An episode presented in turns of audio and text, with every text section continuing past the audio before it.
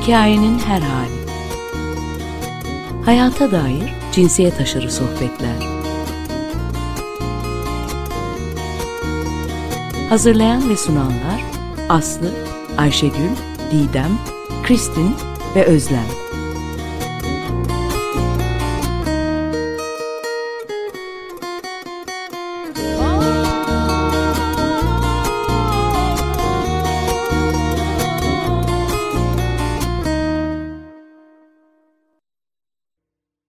Merhabalar, 95.00 Açık Radyo, kendim her halinde ben Aslı Odman. Bugün çok taze bir işi ve bu taze iş ve öncesinde bu konuyla ilgili çok çalışmış, çok kıymetli bir konuğumu ağırlıyorum. Sevgili Yelda Yücel, hoş geldin Yelda. Merhaba, hoş bulduk. Ee, Herkese merhaba bu arada Açık Radyo dinleyicilerine. Hoş bulduk. Biz bu programı bir gün öncesinde çekiyoruz bu arada. Ee, bazen bir gün öncesinde çektiğimiz programlar bir günde öyle bir gündem değişiyor ki Türkiye'de ya bir dakika bu ne program diyorsunuz ama bu sefer sanırım zaten İstanbul Sözleşmesi'nden çekilmek ve İstanbul Sözleşmesi'nden çekilmesine ilgili kadın eylemleri devam ederken yarın da Cuma günü bir eylem olacak. Sanırım bunun bu kadar çabuk gündemini geçirmeye niyeti yok kadınların. O açıdan belki de yine de gününü söyleyelim ama çekinmeye gerek yok. Önce e, müzikten bahsedeyim. Bir tüm müzikleri Yelda seçti. E, yani daha sonra kayıtlarda çıkmıyor ama merak ederseniz sunacağım. E, devamını Yelda'ya sorabilirsiniz. Christian Pluar'ın L'Arpeggiata grubundan e, bir e, şarkısıyla başladık. Yani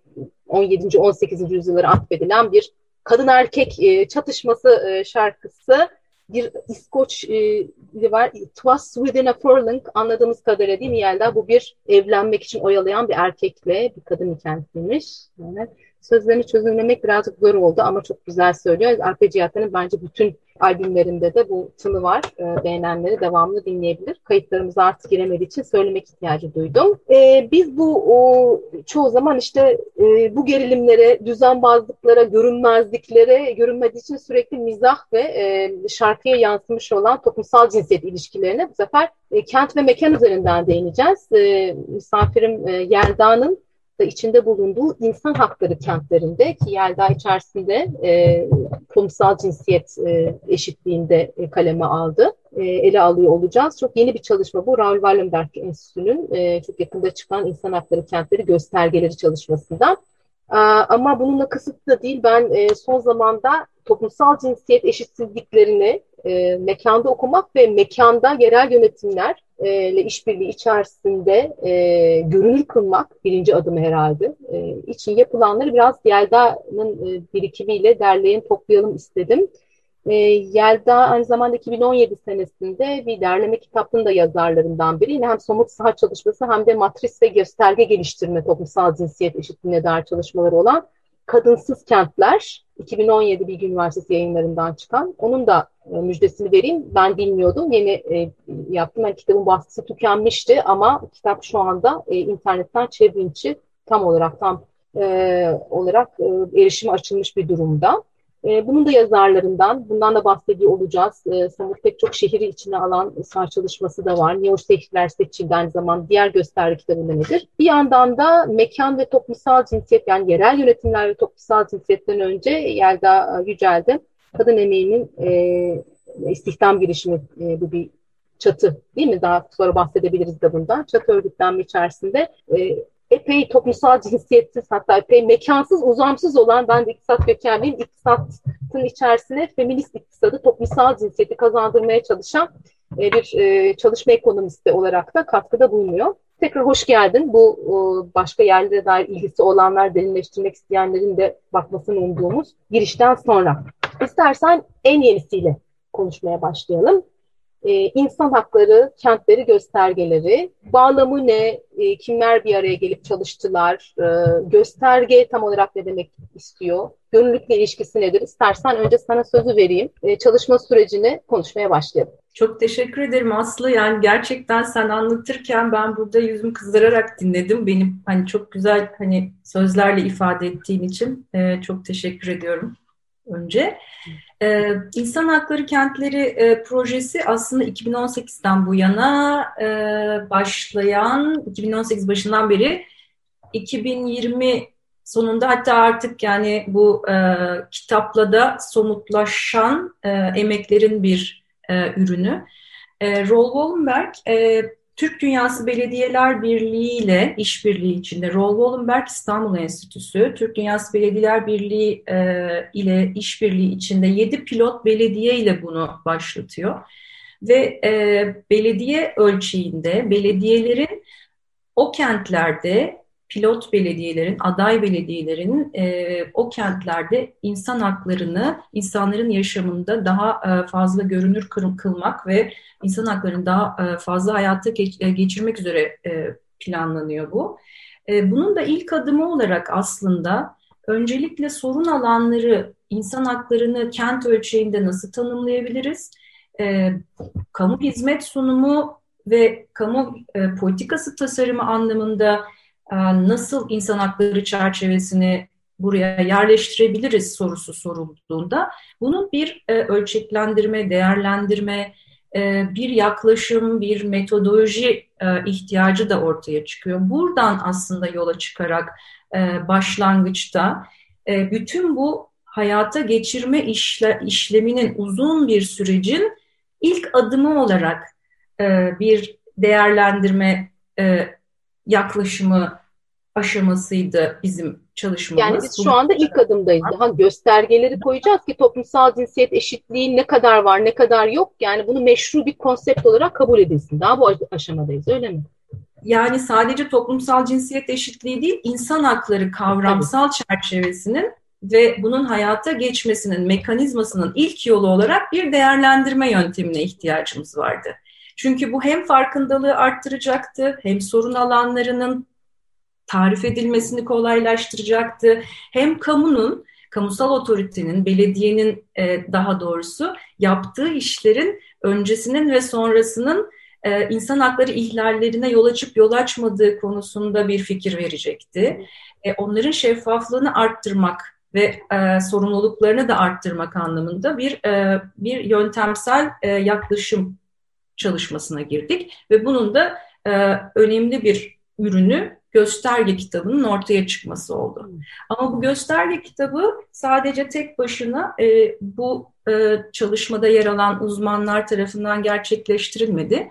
E, aynı zamanda süreç boyunca, bu iki sene boyunca yedi pilot belediye ile e, aynı zamanda e, Yereliz gibi ve diğer e, sivil toplum kuruluşlarının da katıldığı, ulusal, uluslararası yani sayısız toplantı sonucunda ve uzun süren e, tartışmalar, geri bildirimler sonucunda ortaya çıkan bir çalışma oldu. Dolayısıyla da insan hakları, kentlerin göstergeleri bu ülkeye özgü ve yerelleşen bir e, çalışma haline geldi. Mekansallaşan hani, ve yer, hem yerel belediyeler üzerinden yaşanan hem de aynı zamanda somutlanan anlamında mekansallaşan. Evet. Evet. Yani Soyut. işlevsel işlevsel olma açısından e, işlevsel.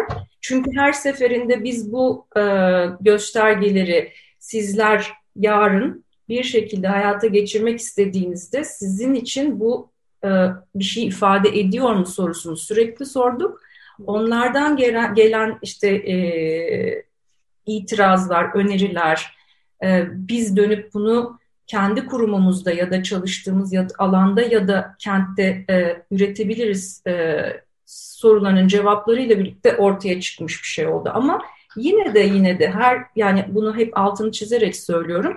Çok uzun bir yolun başlangıcıdır bu. Hı hı. Yani e, bu bu süreç daha önce peki e, son insan hakları evrensel beyannamesi Birleşmiş Milletler süreciyle oluştuğu için bu çok kilit anladığım kadarıyla değil mi? Herhangi bir şekilde mekansallaştırılması da Birleşmiş Milletler'in inisiyatifi önemli. Peki bu çalışmada da daha sonra 2000 sanırım değil mi 6'larda başlamış olan kadın dostluğu kentleri de soracağım. Her zaman Birleşmiş Milletler bir ivme verici oluyor mu? Yani e, talep veya istek yerellerden veya ulusaldan daha fazla yani bu ulus insan hakları çerçevesini belirleyen uluslararası Birleşmiş Milletler'den mi geliyor? Ya, uluslararası e, kavramsal çerçevenin en önemli tabii ki e, dayanağı Birleşmiş Milletler İnsan Hakları Beyannameleri. E, bu beyannamelerin altına da uluslararası e, insan hakları sözleşmelerinin altına da pek çok ülke imza atıyor ve taahhütte bulunuyor e, uluslararası norm ve çerçeveler insan haklarının hayata geçirilmesinde kamu otoriteleri için çok bağlayıcı yol gösterici, aynı zamanda herhangi bir e, işe başladıklarında, başlamak istediklerinde de cesaret verici çerçeveler aslında. E, bu insan hakları yani kamu hizmet sunumunun e, bir şekilde kente erişiminde çeşitli yaklaşımlar önerebiliriz ama insan hakları hak temelli çerçeveden kaynağını aldığı zaman kamu hizmet sunumu o durumda insan hakları çerçeveleri dönüştürücü bir hal alıyor insanların evet, evet. Ee, sanırım demek ki çok evrensel bir sorunla da karşı karşıyayız. Yani bu kendi içerisinde yani her hukuk metninin olduğu gibi uzamı, mekanı olmayan e, insan hakları e, yani bağlayıcı olan ama kendi içerisinde tabii ki anonim ve uzamsız kalan şeyler mekansallaştırılıp ölçeklendirilmediği zaman esasında e, hayata da değmemiş oluyor. O yüzden mekanla, somut mekanla, yerel yönetimlerle insan hakları çerçevesini buluşturması esasında bir tercüme işi. Bu gösterge sizin anladığım kadarıyla e, gerçekleştirdiğiniz bir tercüme faaliyeti esasında ki gerçekten hayata geçirilebilir. Bu tercüme olmadan esasında sağlık hakkı, çevre hakkı ve bütün bunların hangi engellere takıldığı da e, belli olmuyor. Evet bu açıdan bir e, şey de geldi. Esasında bir şehir bölge planlama e, bölümünde çalışıyorum. Bizim yoğun sağ çalışmalarından sonra analizler ve analizlerin üstünde planlar üretiliyor. Esasında tersten bakış çok somut yani iki boyut temsillerde, mekan temsillerinde olan şeyin içerisinde esasında bu gördüğünüz, ulaşabildiğimiz daha pozitivist anketlerle toplumsal cinsiyeti veya işte bedensel sağlamlık, çocuk, yaş, sınıfla gibi meseleleri göstermiyor. O somutluk içerisinde biz o doyutlu yani toplumsal mekan okumasını koymaya çalışırken esasında bir yandan da o, o, o soyutluk içerisinde hak çerçeveli e, belirlenmiş kuralların siz bu tarafa doğru mekana getirmeye çalışıyorsunuz. Esasında bu bir belediyelerde çalışan her türlü personelin e, ortada buluşmasını sağlayacak eksik bir zincir gibi geliyor. O metni okuduğum zaman da onu düşündüm. Yani burada her türlü planlama faaliyetinin içerisinde somutluktan giderek işte belli şehir planlama ilkelerine göre işte adalet, eşitlik, e, ekolojik sürdürülebilirlik var ama onlar üzerinden soyuta ulaşmak en sonunda biraz işte o prosedürün e, parçası haline gelmiyor uygulamanın. Ama burada bir gösterge e, dili olursa belki oradan bir zincir bir atılabilir, bir çengel atılabilir diye düşündüm okuduğum zaman. Aslında tam senin söylediğin yerden devam edeyim. Yani insan hakları e, konusu bu anlamda yerel yönetimlerde hayata geçirilmesi aşamasında takılıyor. Yani orada herhangi bir yani henüz üzerinde uzlaşılmış bir e, yaklaşım yok. Hı hı. Örneğin bugüne kadar 1990'ların sonundan itibaren işte insan hakları kentleri hareketlenmesi var. Sadece tabandan hani e, bu 60'lardan gelen halk hareketlerinin, toplumsal hareketlerinin kent hakkı talebinin yanı sıra ama artık bütün bu eşitsizliklerin de görünür hale gelmesi ve çok yakıcı olmasıyla yerel yönetimler bizzat kendileri de bunda müdahil olmak istiyorlar ve bir insan hakları e, kentleri hareketi, hareketlenmesi diye e, tanımlayabileceğimiz bir e, dalgada bir yandan yürüyor. Ama e, buralara baktığımızda e, değerlendirme kısmı henüz çok oturmuş bir alan değil. Değerlendirme yani kimi daha dahil mi yoksa diğer diğer ülkelerden mi de, diğer, diğer şehirlerden dahil Türkiye'de dahil bu büyüyen bir alan, çok ilgi de gören bir alan. Hani dünyada bir e, böyle bir e, e, çalışma, hareketlilik var. E, fakat e, burada mesela e, insan hakları kentleri dediğimizde hani eksik olan şey şu. O hakkın hak hak hak e, vermekle sorumlu kurumlarla hak hakkı talep edenler arasındaki bağlantıyı kurmak çok önemli. Evet. E, genelde kent çalışmalarında belki hani senin alanında da e, gözlemliyorsundur. E, kentin performansına ilişkin yaklaşımlar var. İşte ne bileyim kentteki ulaşım, rakamsal, rakamsal yaklaşım.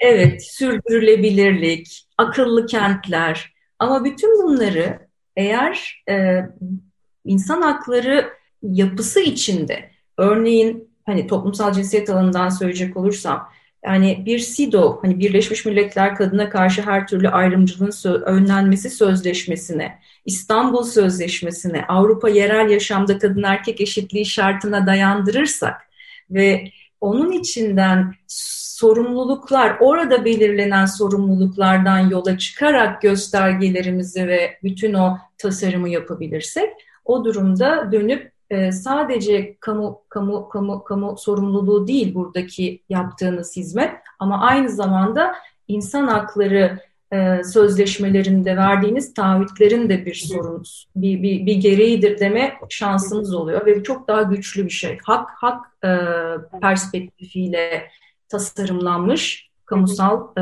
politikalar. Ulusal, yani hep hakkı ulusal düşünmeye meylederken esasında bunun realize edileceği, gerçekleşeceği alanı somut olarak e, bir yandan otobüste, kanalizasyonda, parkta, e, biraz göstergelerden bahsedeceğiz. Görmediğimiz zaman e, çoğu zaman da havada kalıyor. Ve ben e, kısa bir e, sizin e, raporunuzdan hani onlar, o kısımda seni dinlendireyim diye bilgi vermek istiyorum devamlı için. Benim için çok ilginçti okumak. Yani 1960'taki bu e, kent hareketlerini, kent hakkı üzerinden oluşmuş o hareketlerin daha sonra uygulama yani belli bir meşruiyet kazanarak esasen formalize edilmesi uygulamasında ilk insan hakları kentinin Arjantin'deki Rosario olduğunu o, sizden öğrendim. Daha sonra gördüğüm kadarıyla bir elin parmaklarını neredeyse geçmeyen işte Graz, e, Viyana, e, Avusturya'da, Montreal, York City, e, Kanada'da, e, Mexico City mesela kendi deneyimimi hiç oturtamadım. O kadar büyük bir kentte hani en azından o kabulle uygulama alanı hani Viyana'daki realiteyle Mexico City çok farklı. Tam da dediğin gibi kriterlerin burada tam e, standart olmadığını da düşündürttü bu kentleri yan yana görünce. Utrecht'i e, görüyorum. Lund aynı zamanda İsveç, e, İsveç'te e, ve Barcelona e, ve Gwangu, e, Gwangju e, Güney Kore'de. Bu kentler çok değişik bir kim bilir her birinin ayrı bir hikayesi vardı. Bu kentler içerisinde de hani yalnızca hani kısa kısa ziyaretlerle veya daha uzun zaman yaşamış olsak bile realitelerin hani kentsel hizmetlerdeki realitelerin farklılaştığını ve standartların e, henüz oralarda da geçerli olmadığını düşündürttüm. Peki ben bu yine somut mekansallıkla gidince birkaç tane hani metotla ilgili soru sormak istiyorum. E, siz bu çalışmayı e, işte hem ilçe hem de e, bir tane Büyükşehir Belediyesi, Mersin Büyükşehir Belediyesi'nde yapmışsınız. Bu seçimin e, yani bir nedeni var mıydı? Çeşitliliği nasıl sağlamaya çalıştınız? Gaziantep'ten Şahin Bey, Antalya'dan Murat Paşa, İstanbul'da Maltepe, Zeynep, Zeytinburnu ve Ankara'dan Altındağ, Çankaya'yı seçmişsiniz. Bu tercüme işi için. Bu tercihin daha önceki deneyimlerle veya Türkiye'deki işte seçim profilleri, demografiyle bir ilişkisi var mıydı? Neden böyle bir yöntem seçtiniz sevgili Yerden? Yani orada aslında e, buradaki belediyeler kendileri aday oldular. Yani böyle bir kendiler, kendiliğindenlik var. E, bu herhangi bir şekilde işte başka projelerde olduğu gibi hani siz yapacaksınız, siz yapacaksınız değil bizzat hani e, enstitünün e, iletişim kurduğu belediyelerden bu konuda aday olmak isteyenlerin oluşturduğu bir grup. O nedenle böyle bir çeşitlilik var ama çeşitliliğin e, güzelliği de farklı politik ve coğrafi statüleri de içeriyor olmuş olması. Ayrıca büyük şehir ve ilçe belediyeli, belediyesi gibi bir ayrımı da hani içeriyor olması e, daha e, çoğulcu ve daha genelleştirilebilir, standartlaştırılabilir bir yaklaşıma da yardım etti. Yani hem yerel hem de bütün bu özellikleri de kapsayan, kapsayacak şekilde bir gruplaşma aslında biraz da kendi doğal e, gelişimi, gelişimiyle olmuş oldu. Peki biraz çalışmanın kendisinden e, iki sene içerisinde neye göre yaklaştınız? Hangi e, soruları sorduğunuz göstergeleriniz neleri içeriyor ve hani varsa kısmi sonuçlarına dair e, en önemli noktaları dinleyiciler için özetleyebilir misin acaba? Şimdi bunun e, başta e, insan hakları ile belediye sunumunu, belediye hizmet sunumunu birleştirmek için belki dinleyicilerin de aşina olduğu e, yapabilirlikler yaklaşımını kullandık biz. Amartya Sen'in geliştirdiği, daha sonra Birleşmiş Milletler İnsani Kalkınma Endeksinin de temelini oluşturan bir yaklaşım. E, insanın iyi olma halini, iyiliğini, dirliğini e, insani yaşama koşullarına erişimiyle ilişkilendirir yapabilirlikler yaklaşımı ve bu fırsatlar aslında aynı zamanda e, temel insan haklarını gerçekleştirmesinin de bir ön koşuludur. Yaşayabilme, güvenceli bir ortama erişebilme, barınma hakkı, e, eğitimli olabilme, sağlıklı ola sayarsak bunlar aslında temel insan e, hak ve özgürlükleri. Dolayısıyla orada bir örtüşme var ve biz e, kamu hizmetini, kamu hizmetlerine erişim temelinde tasarladık ve en önemlisi katılım, katılım ve bu yapabilirlikler boyutları ne olabilir diye düşündüğümüzde katılım, erişilebilirlik, yani kamu hizmet sunumuna erişilebilirlik ve e, güvenli ve güvenceli bir yaşama erişebilirlik olarak üç farklı boyutta tanımladık.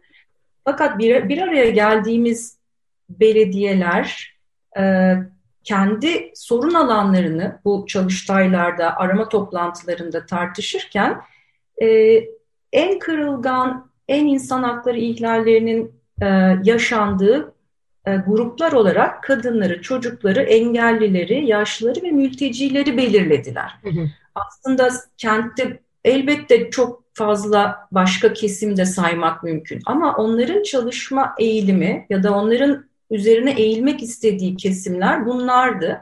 Dolayısıyla sorunları da bu, bu çerçevede tasarlayıp çözüm önerilerini de buna göre tasarlayınca gruplar ortaya çıktı ve e, bu erişilebilirlik ve yapabilirliklerin ne olabileceği kamusal e, otorite tarafından e, nasıl e, sunulabileceği noktasında da bu alanlar birbiriyle birleşti. Farklı e, uzmanlıklardan ve arka planlardan gelen arkadaşlarımla e, ben onların ismini de saymak isterim aslında. Tabii, çok iyi. İşte kadın, çocuk, engelli, yaşlı ve mülteci hepimiz aslında her birimiz bu boyutların e, sorumlusu olan hani uzmanlardık. Koordinatörümüz Gülay Günlük Şenesen hocamız. E, Özgür Arun, Aslıhan Aykara, Ulaş Sunat'a, Adem Arkadaş Tiberk'le beraber e, bu boyutları e, diğer paydaşlarla birlikte yani göstergeleri geliştirmeye çalıştık. Sonrasında da hani belki başta tekrar etmiş olacağım, bir daha tekrarlamış oluyorum. E, bu göstergeler tekrar e, belediyelerle pilot olarak tek tek uzun görüşmelerle hani ben örneğin Zeytinburnu, Maltepe Belediyesi, e, Çankaya, Altındağ belediyeleriyle görüşmeler yaparak e, daha da e, rafine etmeye çalıştım. Böylelikle ortaya çıktı bu gösterge. Mesela erişimle ilgili e, verilerden bahsedebilirsek direkt işte dediğim gibi e, uygulamaya hani bir direkt bir e, görmeye fayda yönelik çok belirgin bir şey geliyor. Çünkü mesela işte ulaşımdan e, burada gözümün önünde de rapor var. İşte sağlık, ulaşım, eğitimle ilgili meselelerde. Bunlar sizin kendi çalışmanız için sıfırdan yaptığınız anketler miydi yoksa mesela hali hazırdaki yerelleştirilmiş mahalle ölçeğindeki TÜİK verilerini de kullanabildiniz mi kendi e, matrisinizi oluşturmak için? Um, şu anda o oradaki göstergeler sıfırdan oluşturuldu. Hı hı. Yani tamamen sıfırdan oluşturuldu ama şunu da e, söylemem lazım. Bir, bir e, elbette bu konuda yapılmış çalışmaların e, neler olduğuna bakıldı ve bunların kent ölçeğinde, belediye ölçeğinde uygulanabilirlik çünkü gösterge uygulanabilirlik e, kriterine baktık aslında. Hı hı. Hani pek çok az böyle çalışma var. Uluslararası çalışmalarda da var. Listeler, listeler, listeler, listeler. İşte e, pek çok kaynaktan erişebileceğiniz farklı e, kente dair, kentin işte e, performansına dair göstergeler. Ama e, belediyelere gittiğimiz zaman orada bu işi yapacak olanlar oradaki uzmanlar. Ve bu uzmanların da belli kapasiteleri var. Ve onların da erişebilecekleri belli kaynaklar var. Yani bu setlerin mümkün mertebe onların üretebileceği ve dönüp e, sonrasında da bu süreci devam ettirebileceği kolaylıkta ama aynı zamanda da kapsayıcı olması gerekiyordu. Yani hep hizmetler üzerinden süreci devam hizmetler üzerinden profiller çıkarmış oluruz. Yani var olan sosyal profiller nedir sorusu değil ama mesela işte eğitim dediğimiz zaman kadınların ne kadarı işte okur yazar, ilkokul, üniversite mezunu çalışıyor değil belediyenin kamu hizmetleri yani eğitim diye nitelendirdikleri hizmetlerine ne kadar ulaşıyor? Yani hep bir belediye kamu hizmetleri üzerinden e, somutlamaya çalışıldı bu toplumsal cinsiyet veya işte engellilerle ilgili, sakatlarla ilgili, çocuklarla, yaşlarla ve mültecilerle ilgili. Doğru anlıyorum değil mi? Doğru, çok evet, doğru. Evet. Bu hizmetlerin yararlanıcısı kişiler kimse evet. ve onların erişile, erişebileceği bir mekanizmanın belediye tarafından kurulmasını sağlayan ve ama Hı. aynı zamanda o sürecin de takibini sağlayan göstergeler. Yani sığınak var mı? Ya da kadınların işte telefon ettiğinde erişebileceği bir danışma hattı var mı? Var varsa mı? işte var mı? Var varsa e, yoksa da yok olduğunu gö gösterecek evet, zaten evet, göstergeler. Evet. E, yoksa da e, varsa da işte yararlanıcılarının kim olduğu gibi hı hı. biraz kantitatif gerektiğinde yani kantitatif derken e, rakamsal olarak ifade edebileceğimiz ama e, gerektiği zaman da kalitesine dair soruların olduğu göstergeler bunlar. E, şimdi bu gösterge setlerinin hani e, tamamlanmasıyla birlikte e, bu aslında yaşayan bir süreç ve e, proje e, belki de ileriki yıllarda başka şekillere evrilecek. E, şu anda enstitüde e, bu rehberler kullanılarak aslında amaç oydu zaten. E, bir tür e, yerel eşitlik eylem planlarının e, insan hakları perspektifiyle yerel eşitlik eylem planlarının oluşturulması ve belki de buradaki göstergelerden yararlanılarak stratejik plan, performans programı gibi bütçe planlama süreçlerine bunların hani birer araç olarak entegre edilmesiydi amaç.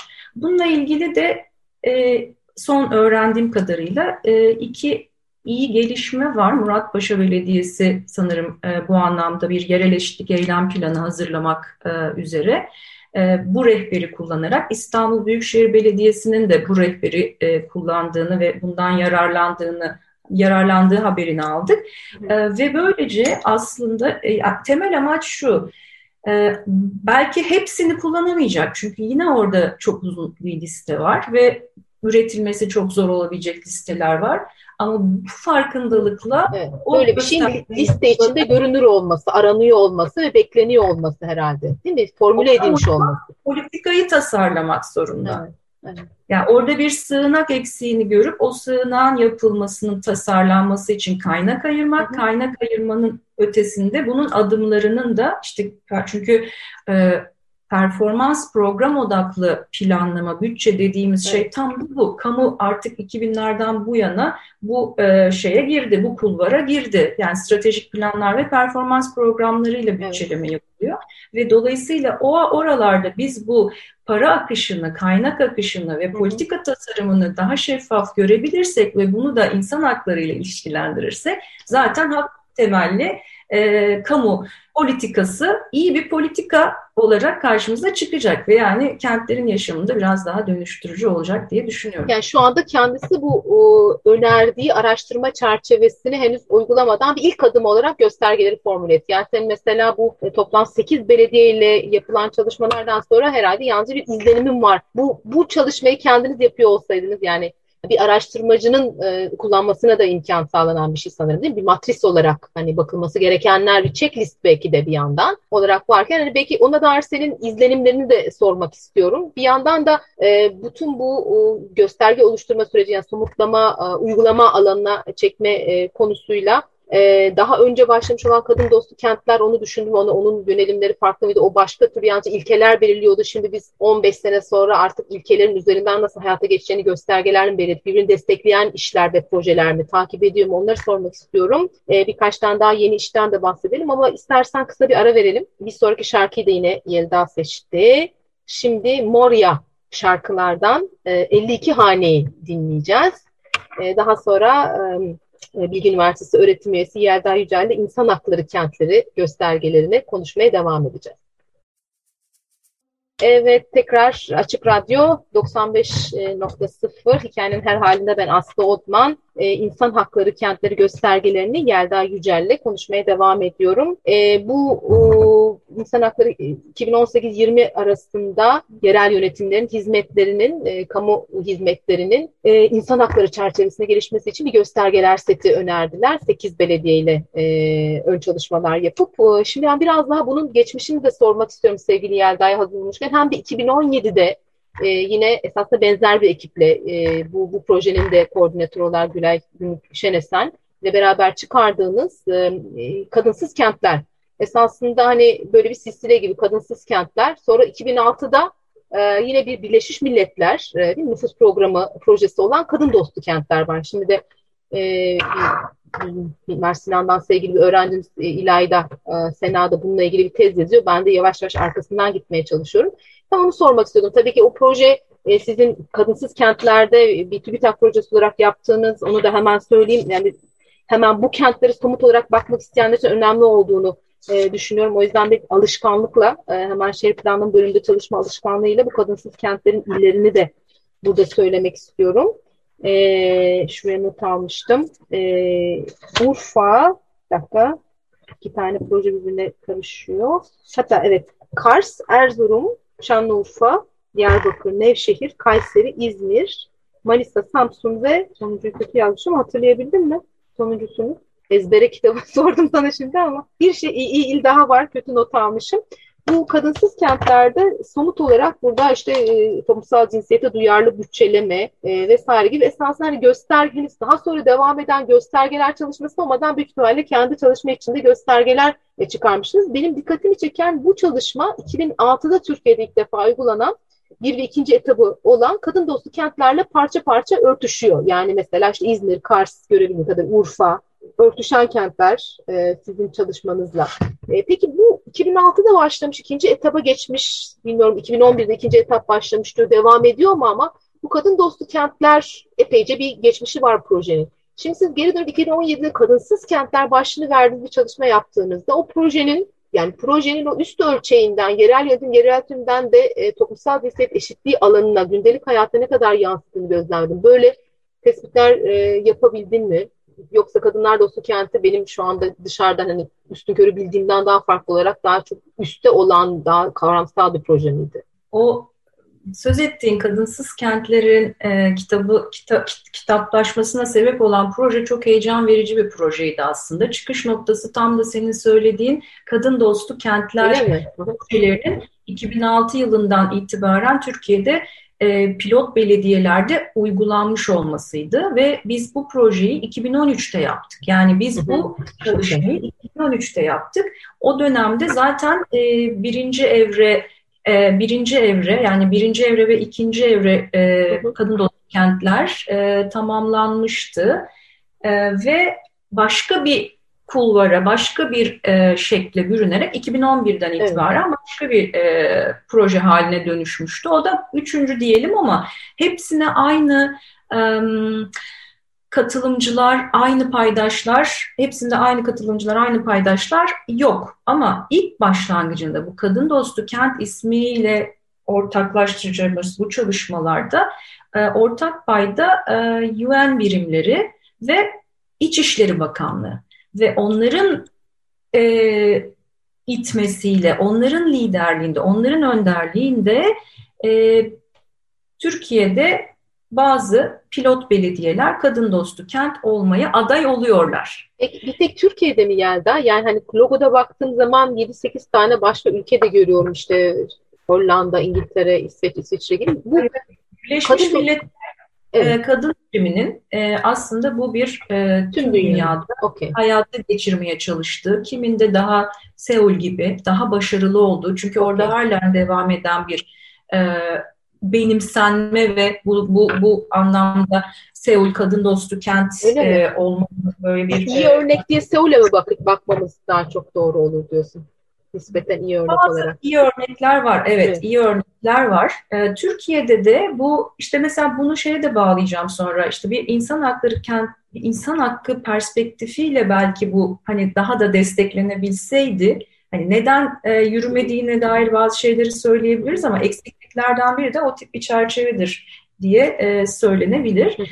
E, o zaman bu e, kadın dostu kent olma projesi, yani kadın dostu e, kent projesinde tüm paydaşlar, belediyelerden e, il özel idarelerine, işte orada e, kentin yönetiminden sorumlu tüm kamu kurumları bu projeden sorumluydu ve ilk koordina bununla ilgili koordinasyon e, koordinasyonu da e, oradaki işte Birleşmiş Milletler koordinatörleri yönlendiriyordu e, veya işte bununla ilgili bir koal e, şey e, oluşturmuştu. Yerel de dahil hem yerel hem e, mülki amir.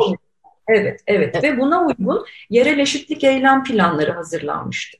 Şimdi bunlar çok o zamana göre çok önemli aşamalardı. Çünkü onlardan yani o e, kadın dostu kent olabilmenin gereklerinden bir tanesi de e, tüm kurumların toplumsal cinsiyete duyarlı bütçelemeyi hayata geçirmeleriydi. Böyle bir taahhüt olduğunda bu bize e, şu fırsatı verdi. Kadın dostu kent olmak toplumsal cinsiyete duyarlı bütçelemeyi hayata geçirmek için yeterli mi? Yeterli bir ivme mi? Çünkü Peki, çok pardon bu bütçe yalnızca yerel tüm bütçesi değil. Ee, değil mi? Yani bir merkezi mülki idare amirlerinde bütün kurumlarını da kapsayan bir şey. Yoksa yetek, evet. yalnızca yerel değildi. Bu şart yani kadın dostu kenti olmada e, toplumsal cinsiyet duyarlı bütçelemenin tüm e, yerel ve merkezi e, kamu birimlerinin yapması gerekiyordu. Şöyle söyleyeyim aslında evet yapması gerekiyordu tüm o, toplumsal cinsiyete duyarlı bütçelemin ama oradaki öne çıkan şey şuydu yerel eşitlik eylem planlarında o, o, o kentleri kadınlar için yaşanabilir kılmak için kim ne yapması gerekiyorsa onu yapması gerekiyordu. Hı hı. Eğitimde Milli Eğitim Bakanlığı okay. sorumluydu örneğin. Hı hı. E, diyelim işte e, belediyelerin kendi farklı sorumlulukları vardı. O anlamda herkese sorumluluk yükleyen ama yerel eşitlik eylem planının tüm kentlere ait olduğu bir e, çalışmaydı o. Belediyelerde de toplumsal cinsiyete duyarlı bütçeleme yapmak bu koşullardan bir tanesiydi. Çünkü onların bir bütçe prosesi var. E, biz de o yer, yerelde kadın dostu kent olan ve hemen yakınında yani komşusu olan başka bir kentte ama kadın dostu kent projesine dahil olmayan başka hmm. bir kentte kadın erkek eşitliğini ve toplumsal cinsiyet e, eşitsizliklerine kamunun yaklaşımını ölçümlemeye ve değerlendirmeye çalıştık. Kısmi e, örtüşmenin nedeni bu yani sizin çalışmanızla kadın dostu kentlerde bir çek çek örneği alıyordunuz yani. Evet, evet. Yani hipotezimiz aslında kadın dostu kent olmak acaba toplumsal cinsiyet eşitliğini sağlamakta önemli bir ivme mi? Peki sonucunuz ne oldu? Kitabın başlığı kadınsız kentler olduğuna göre sormaya korkuyorum ama. evet zaten o anlamda büyük bir hayal kırıklığı oldu. Ee, e, yapılmak istenen yani çünkü toplumsal cinsiyete duyarlı bütçelemenin e, biraz ne olduğundan da söz edeyim. E, kamu kaynaklarının, kamu bütçeleme proseslerinin, süreçlerinin e, toplumdaki eşitsizliklere duyarlı tasarlanıp tasarlanmadığı sorusuydu oradaki soru. Dolayısıyla biz e, hem e, bütçenin kendisine baktık, ne kadar bunu içermeye çalışıyor, toplumsal cinsiyet eşitliklerini ne kadar hedefliyor, buna ne kadar kaynak ayırıyor, buna ne kadar işte e, taahhütte bulunuyor, buna ne kadar adım bununla ilgili ne kadar e, planlama yapmış buna baktık. Evet. İki, e, yerelde gidip e, görüşmeler yoluyla hem hem e, kentteki yararlanıcı kadınlar çünkü hem şehirlilere sormak gerekiyordu sizin için kadın dostu kent bir şey ifade ediyor mu diye de bu, bu cümleyle değil ama onların işte onların belediye hizmetleriyle ilişkisi anlamında yapabilirlikleri anlamında sorular sordu. Hem de bu e, projeye dahil olmanın ya da olmamanın ya da toplumsal cinsiyet farkındalığının e, yöneticiler ve uzmanlar nezdinde ne kadar yaygın olduğu, bütçeleme proseslerine ne kadar bunu kendi aralarında yani kendi içlerinde bunu ne kadar hayata geçirdiklerini sorguladık. Ve tabii hayal kırıklığı çok az çok az bu anlamda iyi örnekle karşılaştık. O dönemki hani en iyi örnek Diyarbakır Belediyesi'ydi. Evet ve Diyarbakır Belediyesi Kadın Dostu Kent e, projesinde değil. değil. Evet. Ve onun örneklerini de uzun uzun anlattık zaten hani eş başkanlık sisteminden diğer her türlü eşitlik mekanizmalarına e, ayrı e, yani bütün o tasarımın içinde kadınlara verilen önemin ve kadın güçlenmesi ve toplumsal cinsiyet eşitliği hı hı. ve eşitsizliklerle e, genel olarak e, nasıl hani e, nasıl mücadele edileceğinin en iyi örneği Diyarbakır Belediyesi'ndeydi. Biliyoruz Batı'ya en iyi örneklerden bir tanesi de İzmir e, Büyükşehir Belediyesi'ydi ki Onda e, stratejik plan ve performans anlamında performans iyiydi, planlama açısından iyiydi.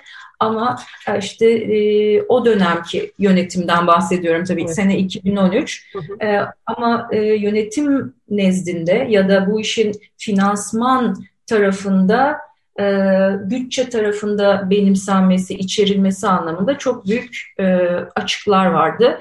Orada bile orada bile, orada bile hani o bir sıkıntı vardı. Ama kurumsallaşma, e, planlama anlamında iyi örneklerden biri de oydu ve sonuçta ulaştığımız şey de e, bu projenin o, o tip bir e, iyileşmeye, topyekun bir iyileşmeye yol açmadı evet. ama parça parça içinde farkındalık yarattığı için de işte buna gönül veren insanlar, insanlar için bir itici güç olması nedeniyle bölgesel tek tek tekil özgül örnekler e, gözlemleme şansımız oldu. Yani hiçbir çabanın aslında boşa gitmediğini düşünüyorum ben.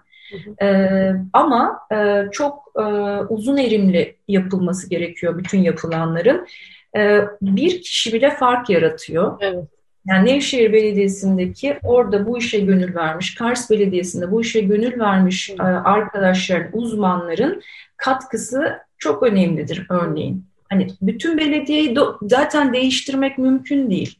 Ama süreçleri ve işte bütün bu dokümantasyona, bütçeye bir yerden onları sorumlu tutabileceğimiz şekilde e, müdahale edebildiğimiz zaman hani bunları kazanım sayıyoruz. Çok önemli bir şey söyledim bence e, kurumların gerçekten zor e, kendi vaatlerini, kendi içindeki ilkelerini gerçekleştirmedi. Hatta tam tersi o ilkelerin hayata geçmesini engellediği bir duvar gibi yaşadığımız bugünlerde kişiler çok önemli. Yani kişilerin temsil ettiği iyi pratikler. O yüzden bence hiçbir bütün bunların çok ince bir şekilde hani etnografik olarak belgelenmesi bile çok kıymetli. Yani uçup gidecek bu dönemden sonra o kalanlarla sıçrayarak biz belki üzerine yeni bir e, yapacağız, bir şey inşa edeceğiz. O yüzden çok kıymetli geliyor bunların.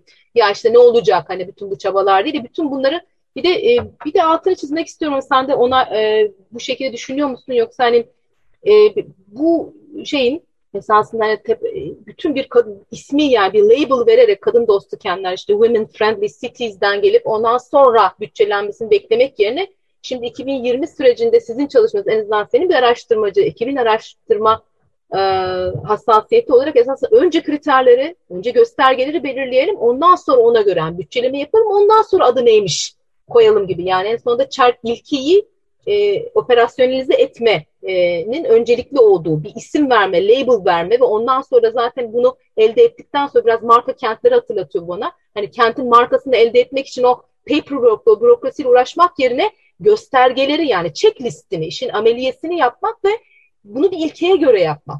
E, bu esasında tam tersi bir epistemoloji gibi geliyor ve siz sanırım bir, bir başka türlü bir labeling biraz daha marka kent bir isimden çıkarak bu epistemolojinin hoşlanmadığı noktalardan başka bir şey önermeye gitmişsiniz gibi geliyor bana. Bilmem katılır mısın? Ee, Yok, çok güzel anlattın. Benim yerime bence ben fazla bir şey eklemeyeceğim. Ee, bu çalışmanın şeyi biraz o. Orijinalliği ve güzelliği de o. Bu son yaptığımız çalışmanın. Ee, çünkü hani ben şuna seviniyorum ama bir parantez açayım. Ee, kent çalışmaları son zamanlarda çok arttı. Evet. Ve e, çok kıymetli çalışmalar var. Cinsiyet Eşitliği, Cinsiyet Eşitliği İzleme Derneği'nin e, yaptığı yine e, bu konuda e, kent bağlamında önerdiği e, göstergeler var.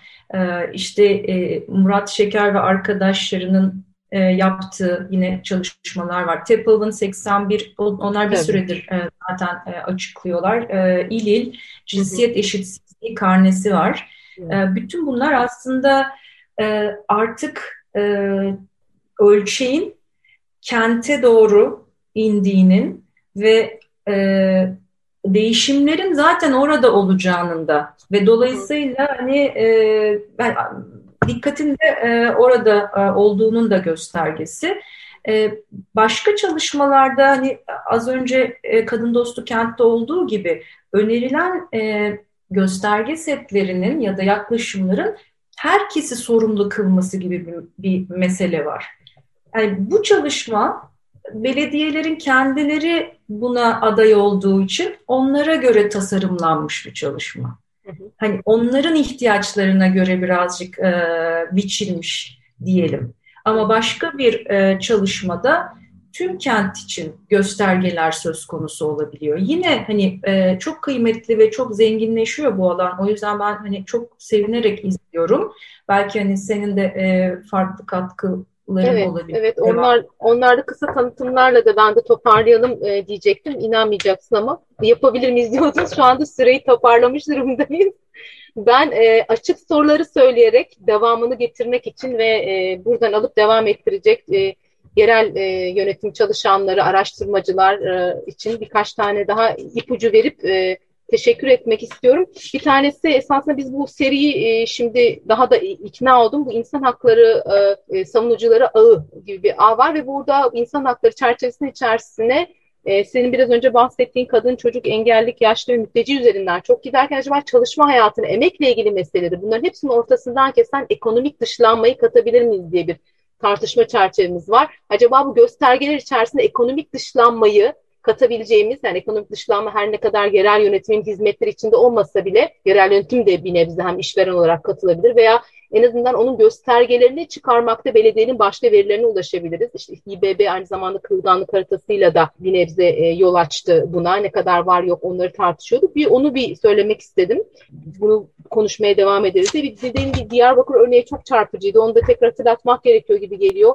Yani bugün Buna tek yapabilir miyim? Tabii, Tabii tabii kısa bir ek yapalım baya süremiz Hemen yapacağım çünkü unutmak istemiyorum onu. Tabii. Ee, bunu kayıt kayd, kaydetmek dedin ya sen arşivle arşivlenmesi evet. o kadar önemli ki biz o 2013'te yaptığımız ve onun üzerine yani bütün o çalışmayı inşa ettiğimiz stratejik planlar, performans programları şu an web sitelerinde yok. Yani evet. hani bir tür e, biz evet. iyi biliyoruz. O dönem bu çalışmaları yapmışız. O planları, evet. programları ve o dokümantasyonları, o görüşmeleri yapmışız ve kayıtlamışız. O da zaten kullanılmaması ve hayata geçmemesi anlamına göre geçiyor. Bir şey bulunmuyor ve arşivlenmiyorsa esasında işlevselde olmadığını gösteriyor. Çok çarpıcı. Bütün araştırmacılara bu konuda uygulamaya yönelik veri ve bazı politika üretenleri de bunu da tekrar e, hatırlatan. Bu tabii Türkiye'nin yerel yönetimleri müthiş e, e, inişli çıkışlı bütün e, merkezi siyasetle ilgili e, fırtınaları açık olmasıyla da ilgili bahsettiğim Diyarbakır örneği dedi.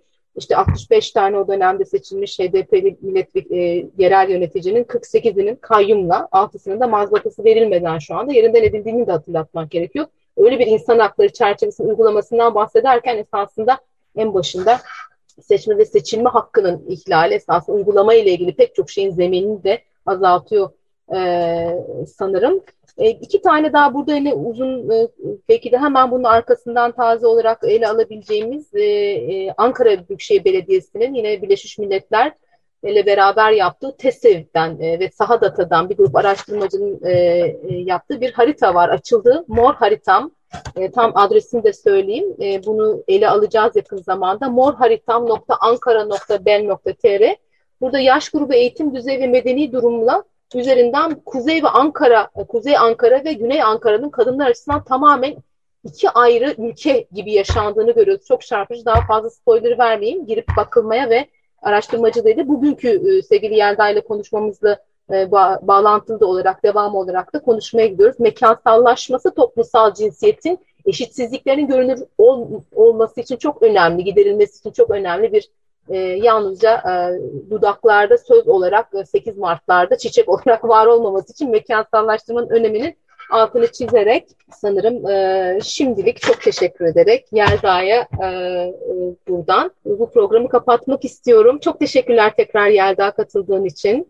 Ben çok teşekkür ederim. Çok güzeldi. Gerçekten zamanı nasıl geçtiğini anladım. Anladım. Evet, toplumsal cinsiyeti somutlamak, mekansallaştırmak, toplumsal cinsiyet ve kent konuşmaya devam edeceğiz. Son e, süremiz kaldığı ölçüde e, Yelda'nın seçtiği e, şarkımızla çıkış yapalım. E, bunu da tercüme şey telaffuzunu bana bıraktı. Sevgili Yelda Hoppa Budapest Bar grubundan 2011 albümünden Bolyonkok Varoş Peremen, Varoş evet Macarcadan gelen e, bir kelime. Kentle de bağını buradan kurmuş olalım. Çok teşekkürler sevgili Açık Radyo dinleyicileri. Hikayenin her halinde yakında sizlerle tekrar görüşmek üzere. Bugün Yelda Yücel'le insan hakkı e, insan haklı kentlerinde göstergeleri konuştuk. Buluşmak üzere. Sağlıkla kalın, esenlikle kalın ve İstanbul Sözleşmesi yaşatın diyoruz. Hikayenin her hali. Hayata dair cinsiyet aşırı sohbetler. Hazırlayan ve sunanlar Aslı, Ayşegül, Didem, Kristin ve Özlem.